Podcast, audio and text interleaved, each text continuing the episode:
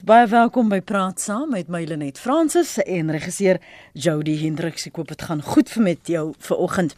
Die president van die Reservebank, Lesetja Ganyago, sê Suid-Afrika se ekonomie bly kwesbaar en sal stadig herstel. Hy sê die verbruikersaanvraag het in die tweede kwartaal van 2018 afgeneem, wat beteken dat vaste beleggings waarskynlik nie vanjaar beduidend sal toeneem nie. So met die swak ekonomiese vooruitsigte en werksgeleenthede wat daagliks in gedrang kom, bespreek ons wat jy in plek moet hê om jou inkomste te beskerm indien die onvoorsiene gebeur. Ons gaste vanoggend is Jolande eh, Botha, sy's 'n finansiële adviseur by Galileo Capital. Goeiemôre Jolande. Goeiemôre Lenet. Dit is baie lekker om weer met jou te gesels. Selfde hier, so ons het vroeg in 2018 met mekaar gepraat. Ons verwelkom ook vir Elmarie Samuel, sy's verbonde aan FMI. Dis 'n afdeling van Bitwest Life. Goeiemôre Elmarie. Môre, hoe gaan dit? Baie goed, dankie. Dankie vir jou beskikbaarheid ook vanoggend. Jolanda, kom ons praat gou oor die onlangse verbruikersopname. Uh, ek is seker jy het jouself ook daarvan ehm um, vergewis. Minder as 50% van werkers wat aan die opname deelgeneem het, sê hulle het geen vorm van inkomstebeskerming of ongeskiktheidsdekking nie indien hulle byvoorbeeld 'n besering by die werk sou opdoen nie. Wat is die implikasies van daai geen dekking of geen beskerming? Ja, dis ongelukkig uh, uh die manier wat ons mense in ons ons lewensstandaard um aangegaan het. Nee, mense het hierdie uh ding van ons wil die vinnige ehm um, uh weet satis, satisfaksie hmm. wanneer jy wanneer jy geld het en niemand wil spaar nie, niemand wil kyk na wat aangaan nie. So ons ons kyk nie na hoe om inkomste te beskerm nie. Mense weet nie eers daarvan nie. En die implikasie daarvan is dat wanneer jy jou werk verloor of jou inkomste verloor, dat jy skielik ehm um, jou jou gesin is dan afhanklik van jou. Afhanklik is daar's nie kos nie daar's nie geld vir skool nie. Um party mense sê hulle kan hulle huis verloor, party mense sê hulle gaan hulle besigheid verloor.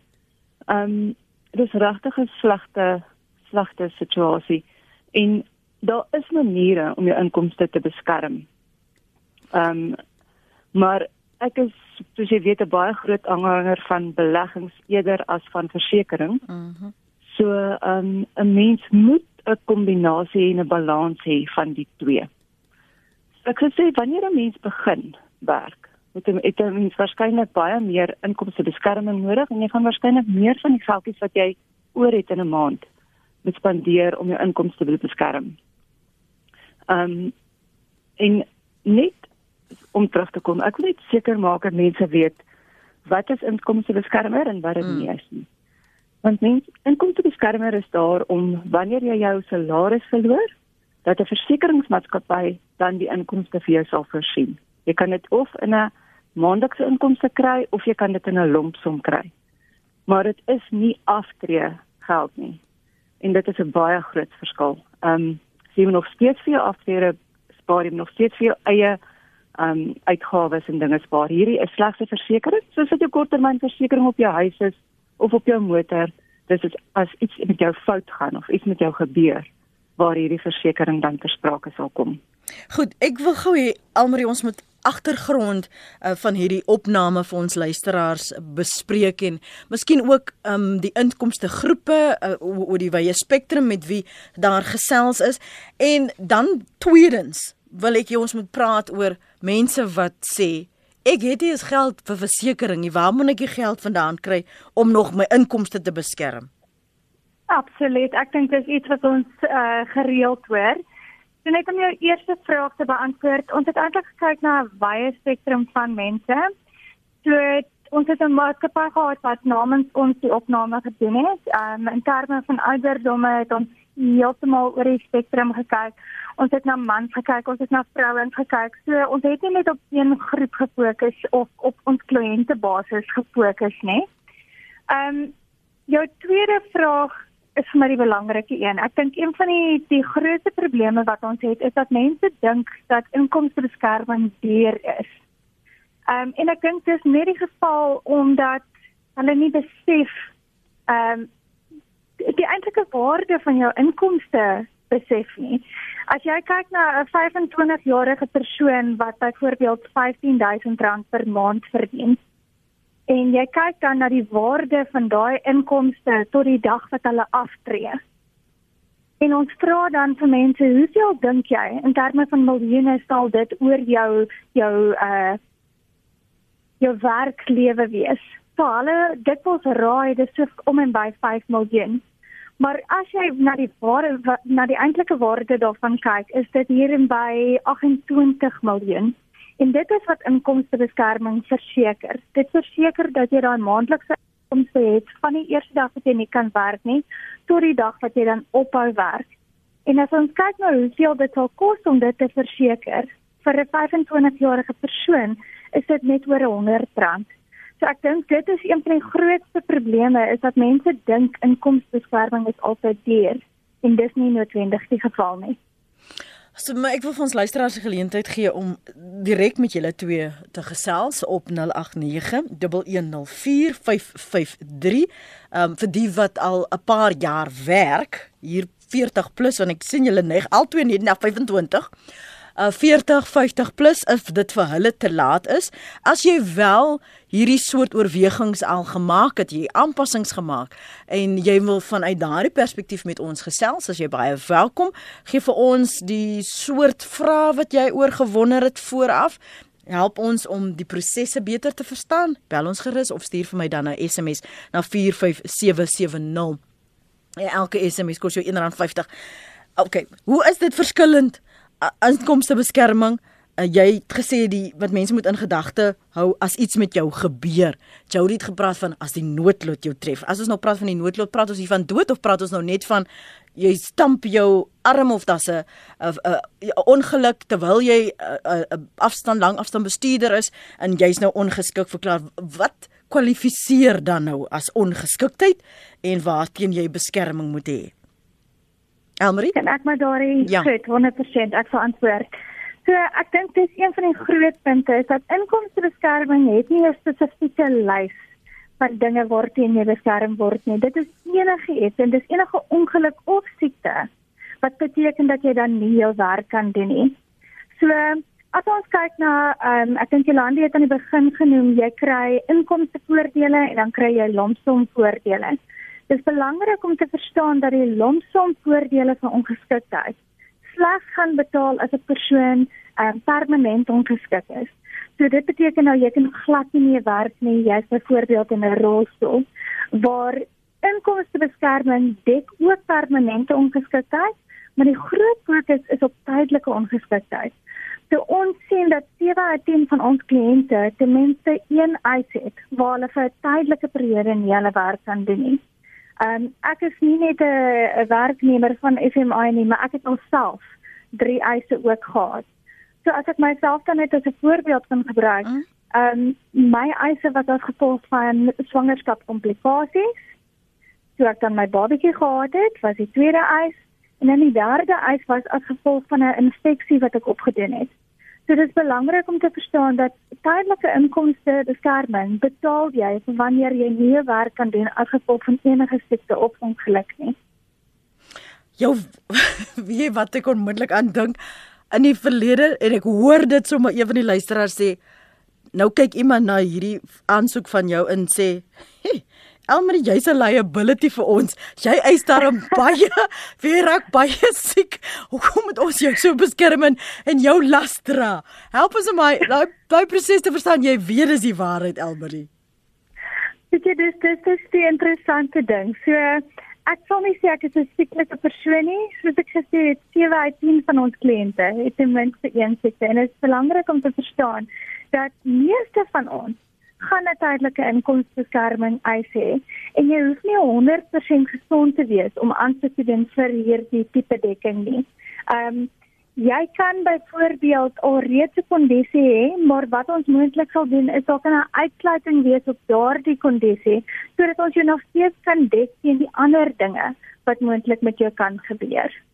Wat is die soort Ekskuus, ja? gaan voort, ek jammer wat ek ook net wil noem is ehm um, jy mag dalk dink ek het baie geëis, maar as ons kyk na ons eise studie wat ons in 2016 gedoen het, het ons gesien dat meer as 50% van ons kliënte al meer as een eis gehad het. Ons het baie kliënte wat al amper oor die 20 eise by ons gehad het. So inkomstebeskerming is werklik 'n voordeel waarop mense gereeld kan eis. So hier vra Willie op Middelburg. Jolandi, Elmarie, julle kan myself ja. deps weer gaan reageer. Hy sê ek werk nog steeds is 62 jaar oud. Kan ek nog inkomsteversekering uitneem? Ek sal sê absoluut. So dis Elmarie hierso van okay. FMI. So ons kliënte tot en met die ouderdom van um, 70 of selfs 75, die maksimum intree ouderdom is ouderdom 65. Dis die maksimum ouderdom. Absoluut. Ja, aan uh, Jolande. Ek, ek ek spring nou in. spring in go. Ek wil net sê 'n mens moet kyk na hoeveel jou beleggings werd is en watter inkomste jy daaruit kan trek en dan die verskil in inkomstebeskerming kry. Mens moet te veel in en inkomstebeskerming regtig nodig. Ek praat dit glad nie sleg nie. Al wat ek sê is mens hoef nie meer weg te betaal aan premies as wat jy kan spaar nie. Um indien jy alreeds genoeg beleggings het om jou inkomste te te dek nie.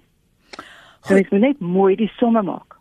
So wanneer jy die, die versekerings kry. So help ons om te verstaan wat is die soort vrae dan Jolande? Um moet ons nou praat met luisteraars wat eers moet kyk na watter tipe beleggings het hulle maak daardie bestaande beleggings voorsiening in dekking vir 'n ongeskiktheid?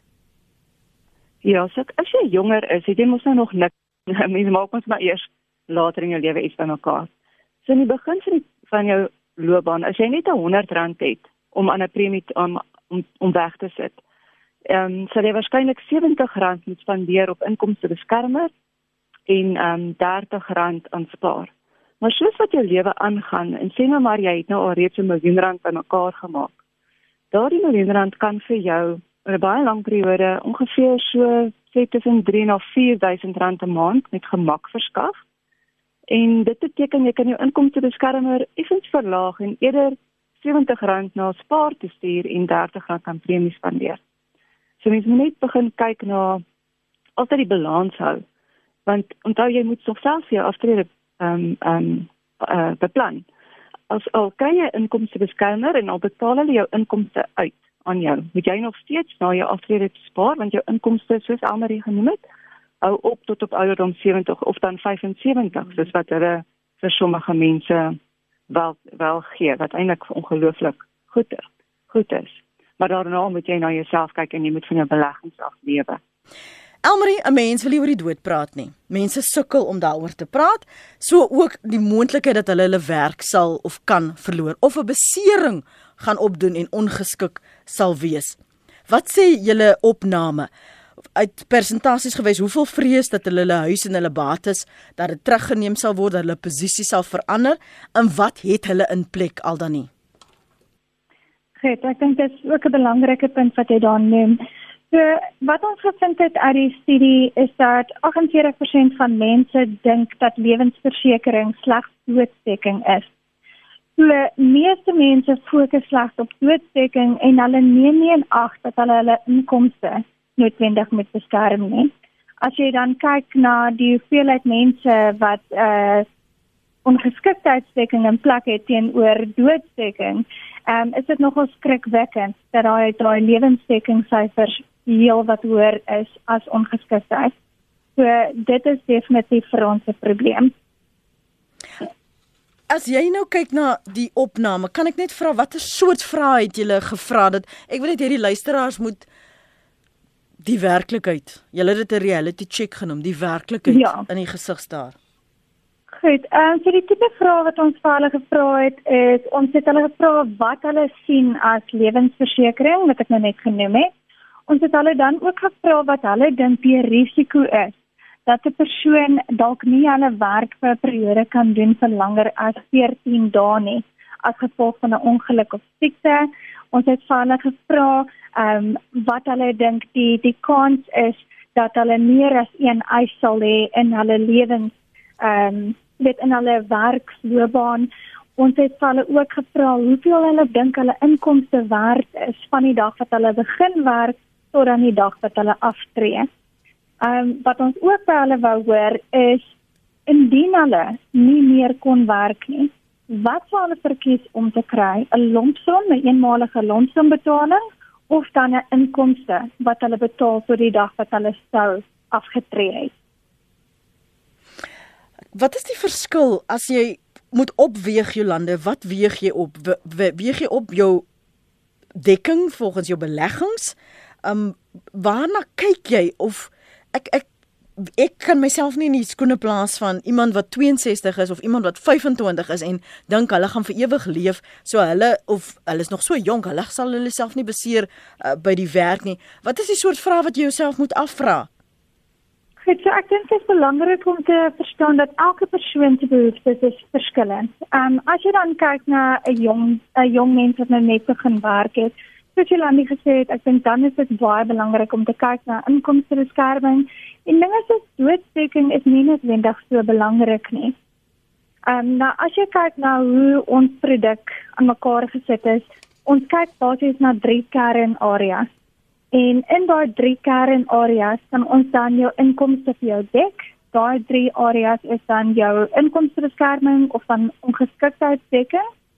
Ons kyk tweedens na kritieke siekte en dan derdens kyk ons ook na um, om 'n inkomste te lewer na die dood.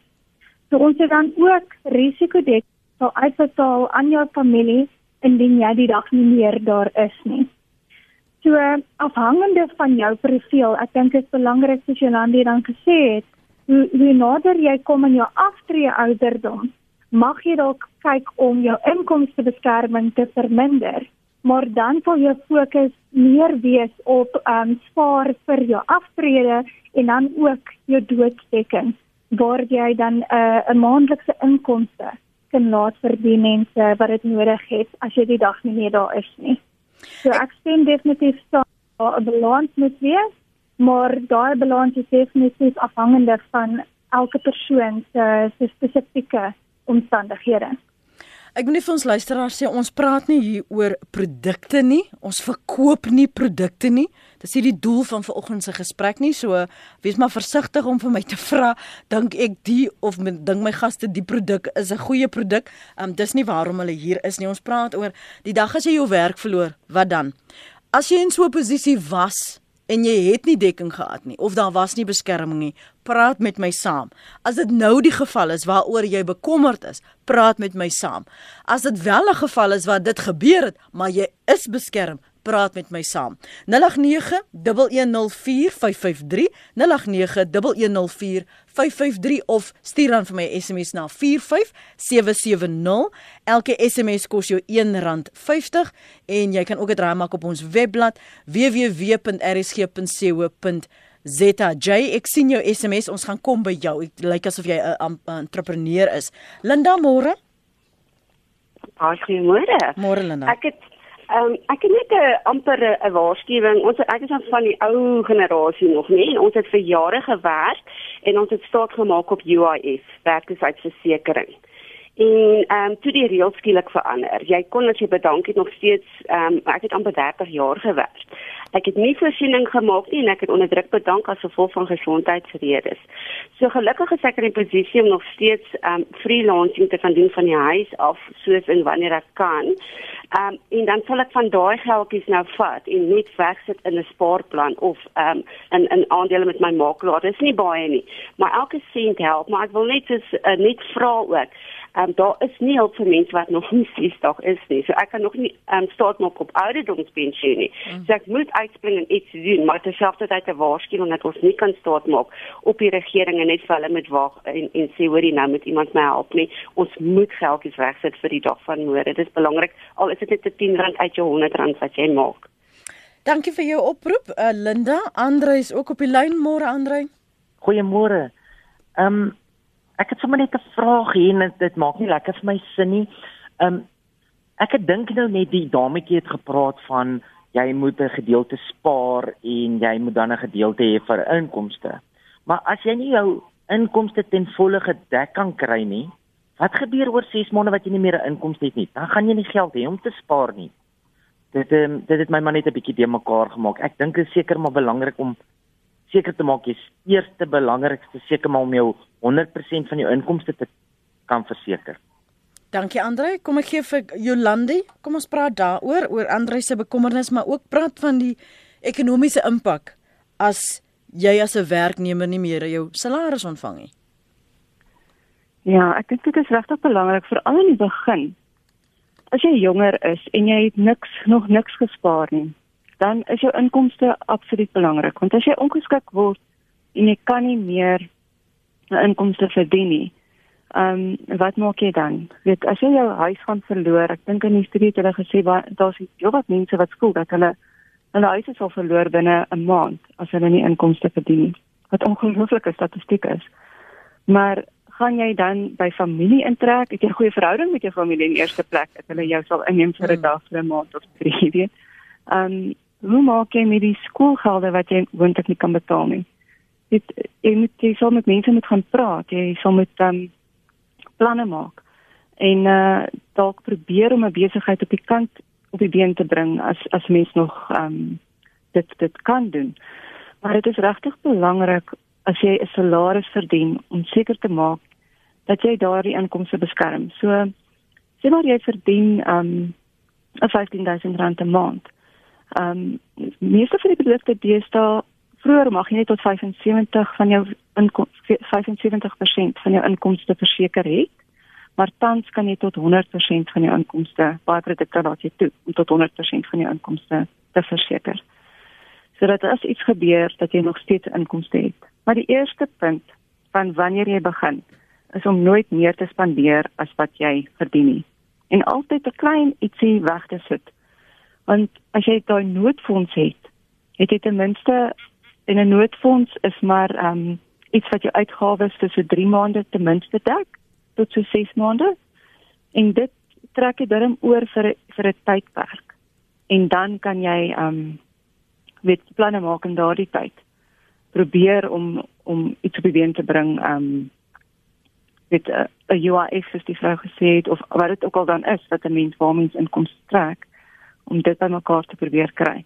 Maar as jy niks het nie, die spanning daarvan is ongelooflik. En 'n mens kan nie helder dink wanneer jy geen inkomste het en jy verloor jou huis, jy's besig om jou om jou kinders met uit die skool uitgehaal word of jy te besigheid en dit val.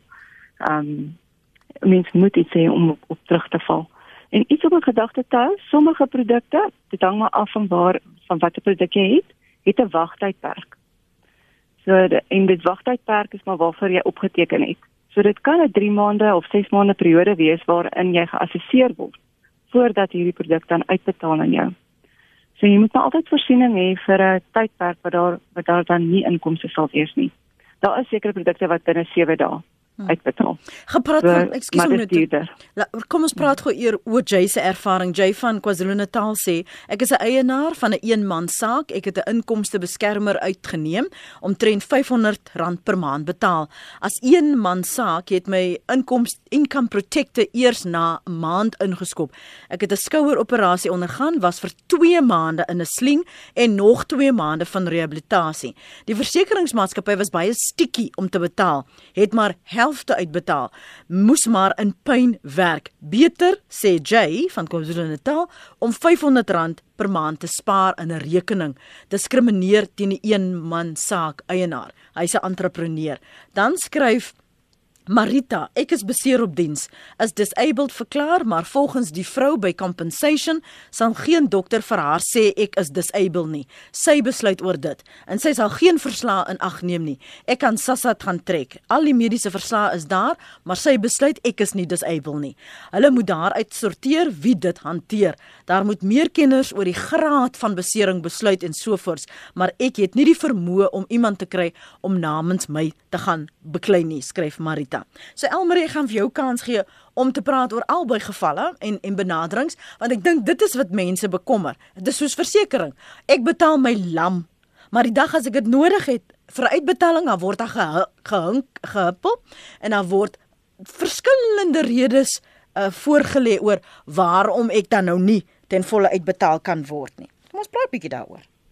Absoluut. Jy weet dit is eintlik een van die dinge wat my baie my baie bekommer. Ehm um, eerstens ek dink nie kliënte kry genoeg inligting oor die opsies wat beskikbaar is, beskikbaar is nie.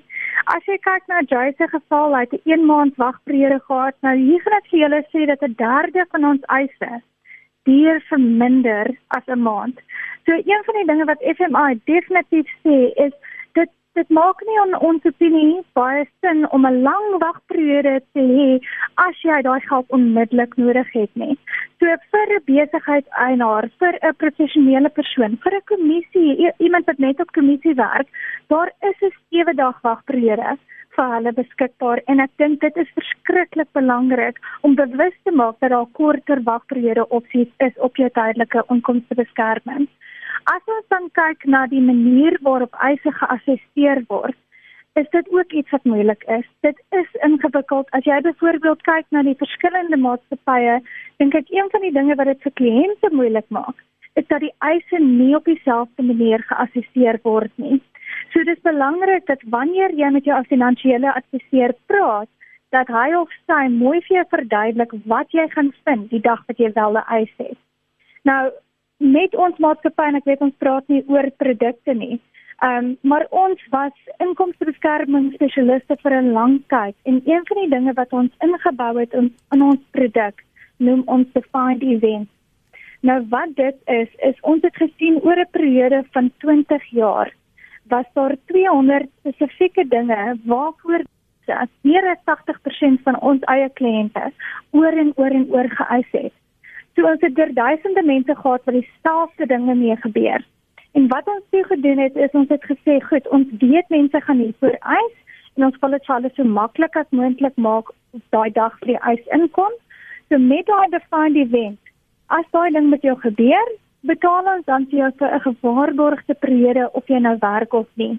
So 'n voorbeeld daarvan sal wees as jy jou been breek, betaal ons vir jou vir 'n gewaarborgde periode en al wat ons dan nodig het is jou eisevorm sowel as jou ekstrale. So van ons kant af probeer ons dit regtig vir so maklik vir kliënte maak as moontlik om te kan eis en ek dink dit is belangrik dat kliënte ehm um, gesels met hulle adviseurs het om te verstaan presies hoe daai eis op die einde van die dag geassesseer sal word. Ehm um, William Banting sê Ek het my eie besigheid, hy's ook 'n entrepreneur en sal moet werk tot ek die neerslaan. Is in my 60s en wat gaan dit my kos vir inkomste dekking sê William Bunting. En dan is daar 'n luisteraar wat spesifiek wil weet hy's nou nie 'n naam nie anoniem. Elmarie dalk kan jy dit ook beantwoord. Wat gebeur met die versekerings sou jy genadiglik nie nodig gehad het om dit te eis nie? Goed ek sal die die eerste vraag eers beantwoord So FMI versprei ons produkte deur um independent financial advisors, dis nou vir die, die Engelse woorde hier. Maar um dit is basies adviseurs wat vir jou kan inligting gee oor al die produkte wat beskikbaar is in die mark. En ek dink dit is belangrik om te verstaan dat die persoon se omstandighede gaan bepaal watter produk die beste dan vir hulle is. So jy kan definitief jou adviseer dan dek of jy kan na FMI se webtuiste toe kom en jou inligting aan ons deurstuur sodat ons jou kan help met 'n kwotasie. Uh die tweede vraag dan is dan as jy een van daai gelukkige mense is wat nie eis het nie. Ek dink een van die groot ehm um, kernwoorde wat mense op die oomblik gebruik is cashbacks. En ek dink dis dalk waaroor hierdie vraag gaan. Is mense wil gedurig by ons weet Nou wat gebeur as ek nie eis nie? Nou wat mense moet verstaan is dat ongelukkig is niks in die lewe verniet nie. En as jy hierdie cashback in 'n produk inbou, beteken dit op die einde van die dag betaal jy meer op jou premie. So FMI het op hierdie stadium 'n besluit geneem om nie cashback in te bou nie. Ons sal liewer daai premie so laag as moontlik hou om vir ons kliënte 'n voordeel te gee wat doeltreffend is en wat dan ook nie ongelooflik duur is nie. So die kort antwoord is as jy dan nie nie eis nie, is daar nie 'n kontantwaarde wat aan jou uitbetaal word nie, maar jy is wel gedek indien enigiets sou met jou gebeur. El, kom ons hoor eers gou wat sê ons luisteraars op lyn 1. Dis Maxie. Is dit Maxie? Dis Maxie, ja. Maxie, goed. Ehm uh, Goeiemôre Lenet en al die gaste daar. Ek wil net graag weet dis nou al iets wat baie lank gelede met my gebeur het. My man het 'n polo, 'n klein polisie gehad en toe besluit hy hy wil hom ook uh, saam met 'n uh, uh, nuwe polis. Uh, die die agent het hulle voorgestel hoekom verbind ons dis met sluit hom in by 'n nuwe polis. Ons is toe verseker vir 3 miljoen rand en want ons het vier dogters gehad en wil al drie ag al vier graag graag laat leer. En ons het dit saamgesluit. Okay, hy is omtrent 18 jaar nadat ons die polis gehad het en 20 jaar tyd die vorige polis omtrent gehad. En is hy skielik oorlede op 55 en want hy het 'n 'n aard op die stam van sy brein gebars nê. En die Saterdag, ek dink hy het 'n voorgevoel gehad want hy het ook net gesê Bokkie maak net asseblief vir my 'n uh, uh, uh, jy maak aan my 'n belofte dat jy sal altyd al vier ons kinders laat leer. As ek voor jou gaan, moet jy hulle laat leer daar's oor genoeg geld vir julle. En ek het gesê ja, dieselfde met my. As ek dood gaan, het jy nie eintlik geld nie vir die polisse nie. Maar en, dit kom te so dat hy is toe oorlede op die maandagooggend in die hospitaal opgeneem, die donderdag oorlede. Uh toe ek die uitbetaling kry, toe kry ek R6000 en hierdie polis het hom gedek vir as hy 'n oog verloor, 'n hand verloor of enige iets. Toe kry ek R6000. Ek doen te navraag. Nou maar wat het nou van die ander geld geword? Ek sit met drie kinders op universiteit en ek het nou een kind wat nog op skool is. Dis selfs my nee, maar daar's nie lewensversekering op die ding en die bietjie lewensversekering wat hierdie polis opgebou het na 18 jaar is maar R6000 toe kry ek R6000 van hulle uit en 12000 van nog 'n ou klein polisie wat ek gehad het. Maar R6000 van daardie spesifieke een. Nou kan ek nie verstaan nie hoe kan ons op 3 miljoen uh, uh, uitgeneem het en dit was vir 'n hand of 'n oog of enige iets wat hy hmm. verloor dat hy nie meer verder kan werk nie. Maar dat dit nooit iets gesê van lewensversekering en hy was oortuig ook daarvan dat as hy die dag iets oorkom, sal ek die kinders kan dat leer in watter vak of watter rigting. Ek moes te veel laat leer dat ek moes nag en dag werk. Ek het gebrei, ek het gewerk, ek het twee werke gehad en dat daar was nie beurse vir al vir regte nie. Ek tikkel tot vandag toe nog omdat ek al myself alles wat ek gehad het is net in die kinders ingesteek. Nou wil ek net graag weet is dit regtig so dat 'n polis dit aan jou kan doen en want ons het vas geglo ja. dat die dekking sal daar wees. Dis julle nee, dis nie sterkste dekking as hy geleef het tot 60, nou is op 55 oorlede. Dat hy geleef het tot 60 dan sou hy die 3 miljoen uitkry. Hy het nooit enige iets geëis teen die ding. Ek sê graag wil weet, is dit nog vandag so? Hmm. Hoe werk hierdie polisse? Baie dankie hoor. Dankie, dankie Maxie. Uh, Jolanda, ons gaan daai daai vraagie vir jou parkeer. Ons hoor eers wat sê Hein. Môre Hein. Goeiemôre, Lenet. Môre. Ons ons hou aan. Dankie en jy Hein? Ja, goed, dankie. Ehm um, net ja, ek het 'n uh, kan ek maar die produk se naam ook noem? Nee asseblief nie. Glad nie. Ja. Right, ek het 'n uh, versekeringsmaatskappy wat my genader het vir spesifiek hierdie inkomste dekke mm. wat ek toe uitgeneem het. Uh wat ek ook verklaar het ek dat ek al seën vergiftiging gehad het voor die tyd. Ja. Die tyd dra nou iets gebeur dat ek 'n rugbesering op opdoen en ek doen my eis indien toe kom hulle dadelik en doen 'n bevraagteken vir my mediese geskiedenis. Mm. En my inkomste bevraagteken hulle. Nou, dit as my vraag is en ek ek moet ek het hierdie saak nou 'n lang termyn ombudsman toe nou ingevat. Maar die kort en lank was hulle het vir 'n jaar en 'n half voor hulle 'n eerste betaling gemaak het, het hulle 'n spel gespeel want hulle hulle speel jou finansiële uh, finansiële spel sodat jy kan opdroog dat jy nie jou premies kan betaal.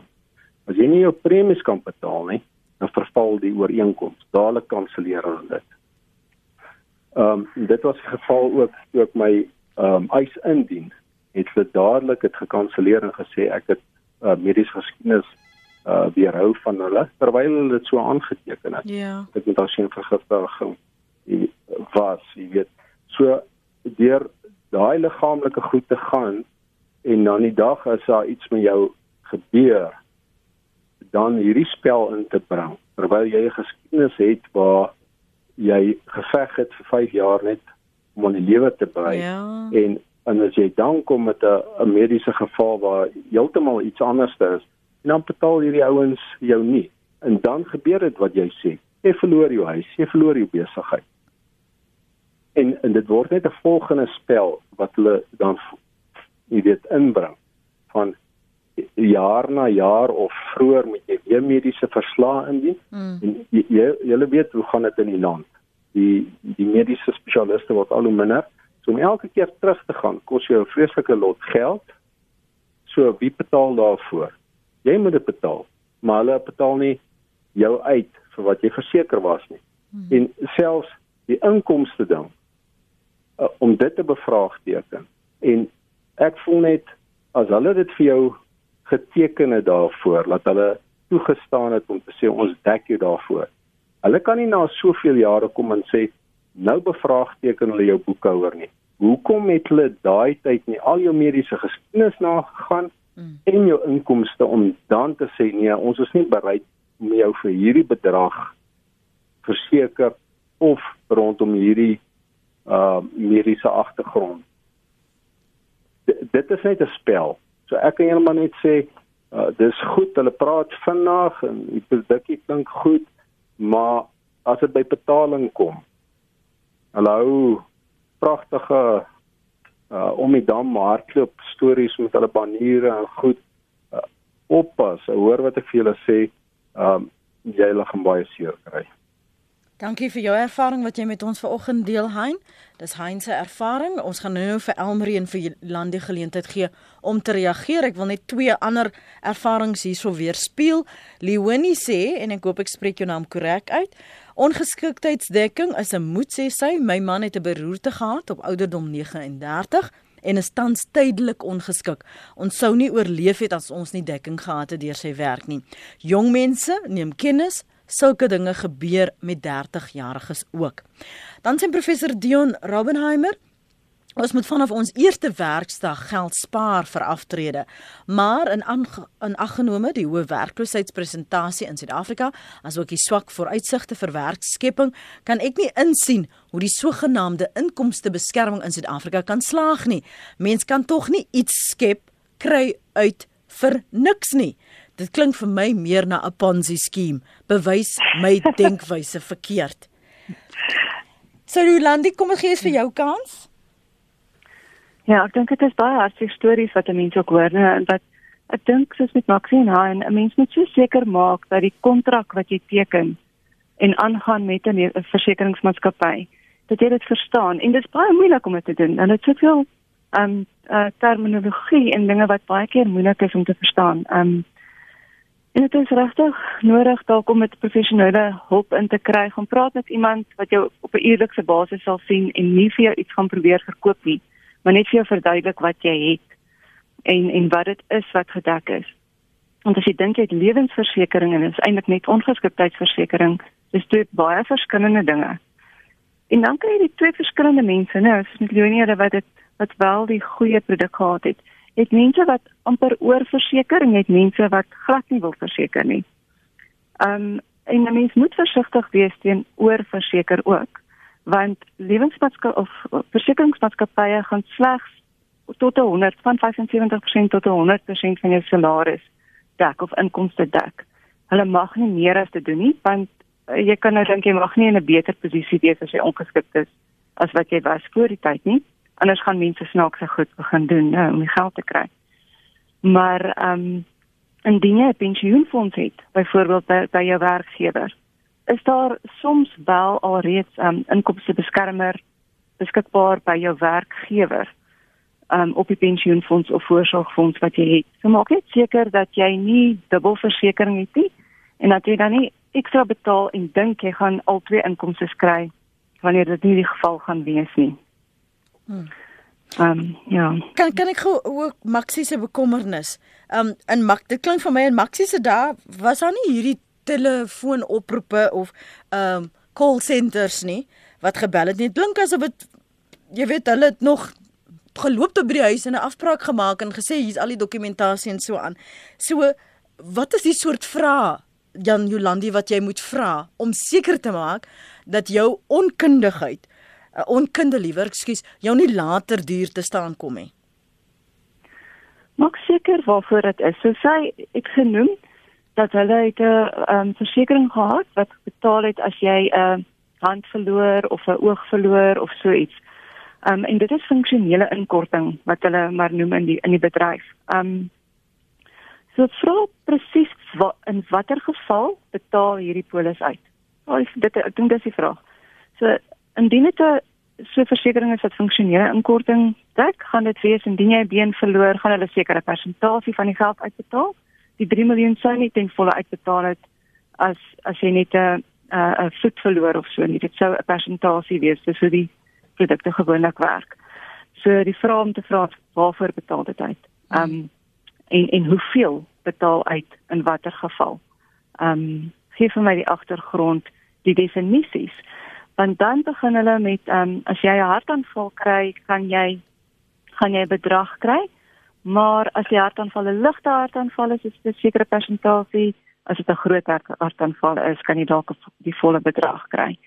Ehm um, so mens moet mooi verstaan ehm um, waarvoor jy teken en wat die produk is wat jy wat jy het, wat jou kontrak is met hierdie versekeringsmaatskappy. Elisabeth, kom ons hoor gou vandag van jou. Elisabeth? Hallo Elmarie. Jou net so vas. Is dit Elmarie? O, dis nie Elisabeth nie. Is jy op lyn 3? El Elisabeth, is dit Jody, is dit Elisabeth? Elisabeth, dit is jy sê hy. Ja, ja. Luister nou net môre aan almal. Ek wil net sê, ehm um, ons het 'n klein besigheid besigheidjie mm -hmm. wat ons gespesialiseerde toerusting regmaak en en party van die parkies is is partykeer so klein soos 'n spellekoppie. En my man het die versekerings gehad en ons het ehm um, geëis want hy het probleme met sy oog opgetel. Hy het uh, limited vision op sy oog gehad. En ons het 'n eis ingesit en as gevolg van hierdie besering sal ek nou maar sê, moes ons nou ander tipe ehm um, reparasies doen wat wat soos 'n minder inkomste gehad het. Ons het toe 'n eis ingesit en ons het letterlik 4 jaar gesukkel waar ons van bakpoort na stuurpoort gestuur word jy moet na hierdie op optometris toe gaan en jy moet na hierdie professor toe gaan in die Kaap en hulle soek 'n verslag van hierdie en hulle soek 'n MRI scan en elke keer het dit so gegaan en al hierdie goed moes jy op jou eie onkoste gedoen het. En op die ou end na omtrent 4 jaar dit was die maatskappy met die gevoude blou handjies nadat ons gesê het hoorie so nou het ons genoeg gehad ons gaan nou 'n uh, ombudsman toe, toe hulle eers uitbetaal. Toe jy hulle begin het dreig. Dankie Elisabeth, ja. dankie vir jou oproep. Kom aan Marie, ehm um, Elmarie, ekskuus, kom ons gee vir jou kans om af te sluit veral die beweringe van dis maar eintlik 'n Ponzi skema. Absoluut. Ehm um, so ek wil net 'n paar goedjies noem oor hierdie mense wat nou ingebel het. Eerstens aan Maxie, wil ek net sê die industrie soos ons hom nou ken is baie anders as destyds. Daar's baie regulasies wat nou in plek is. Wanneer jy ontmoet met jou finansiële adviseur, moet hulle wel dokumentasie hou en bewyse lewer van die advies wat aan jou gegee is.